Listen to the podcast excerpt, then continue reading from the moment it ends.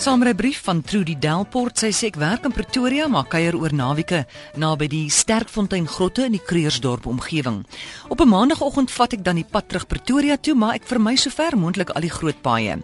So loop my pad dan verby 'n wildsplaas waar die kameelperd familie staan en smil aan 'n paar blare vir ontbyt. Nie ver daarvan nie groet 'n trop blesbokke kopskuddend so in die verbygaan. Dan so 10 km verder bal jare 'n paar perde in die veld en wens ek dat ek eerder op een van hulle se rug in die Magaliesberge kan rondry as in 'n motor op pad stad toe. Die beste deel van my rit is wanneer ek verby die kinders van die plaaslike gemeenskap ry waar hulle wag vir die taxi om hulle skool toe te neem.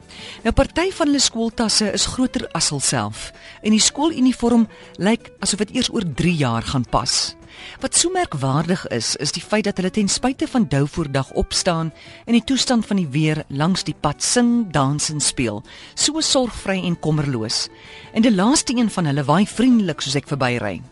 Maar ongelukkig loop nie al die paaie in Gauteng deur die paradys nie en moet ek wel op 'n stadium op die snelweg klim om by my bestemming te kom.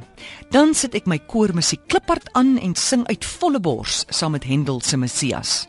Dit maak dat ek kalm bly en my nie vererg vir die mense wat dink die volgafstand wat ek handhaaf tussen my en die motor voor my is eintlik vir hulle om in te druk nie. Uiteindelik is ek by my werkplek.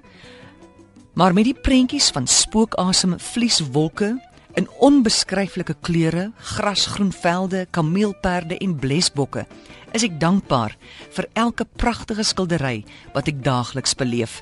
En dan sien ek uit om Vrydagmiddag weer dieselfde pad terug Kreursdorp toe aan te pak. Dit maak die Maandagmiddag tot Vrydagoggend stadsverkeer meer draaglik.